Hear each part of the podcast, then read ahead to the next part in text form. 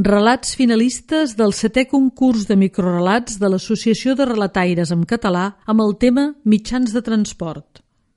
Subtema del mes de març, en globus. Paradís efímer. Un relat d'Ivet. Badalla mandrós, fregant-se els ulls.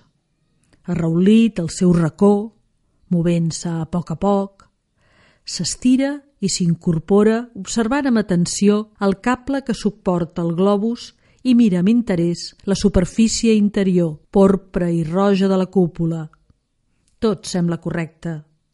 Nota el suau balanceig, les pujades i baixades, i es deixa endur a cegues pel corrent, sense cap mena de por ni de pressa. Aquí se sent segur. De tant en tant Se senten veus llunyanes. Tot és calma, tot és tan bonic. Sembla un món fet a mida per a ell. Porta tant de temps embarcat en aquesta aventura que ja no pot recordar ni com ni quan va començar. Encara no s'ha atrevit a mirar a fora. Tampoc li interessa gaire. El seu món és aquí dins.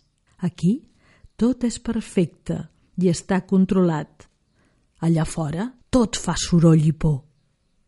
Però el temps va passant i se sent cada cop més fort, més gran i més valent.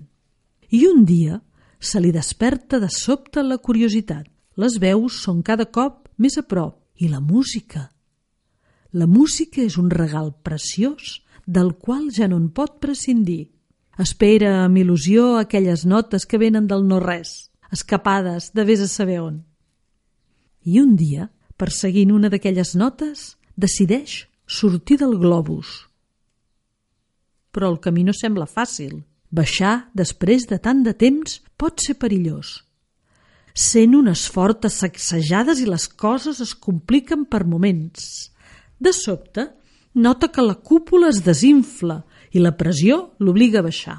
La porta de sortida és molt més estreta del que recordava. El globus cau al buit i l'arrossega cap avall. El pànic s'apodera d'ell, que xiscla, xiscla i s'espanta de la seva pròpia veu. I tot d'una llums, xivarri i un fred glaçat l'envolten. I un gegant sense rostre l'agafen i li arrenquen el cable, el frega, l'aspira, l'emboliquen i el deixen a sobre d'una muntanya tova i tèbia. Fa una olor coneguda que el calma.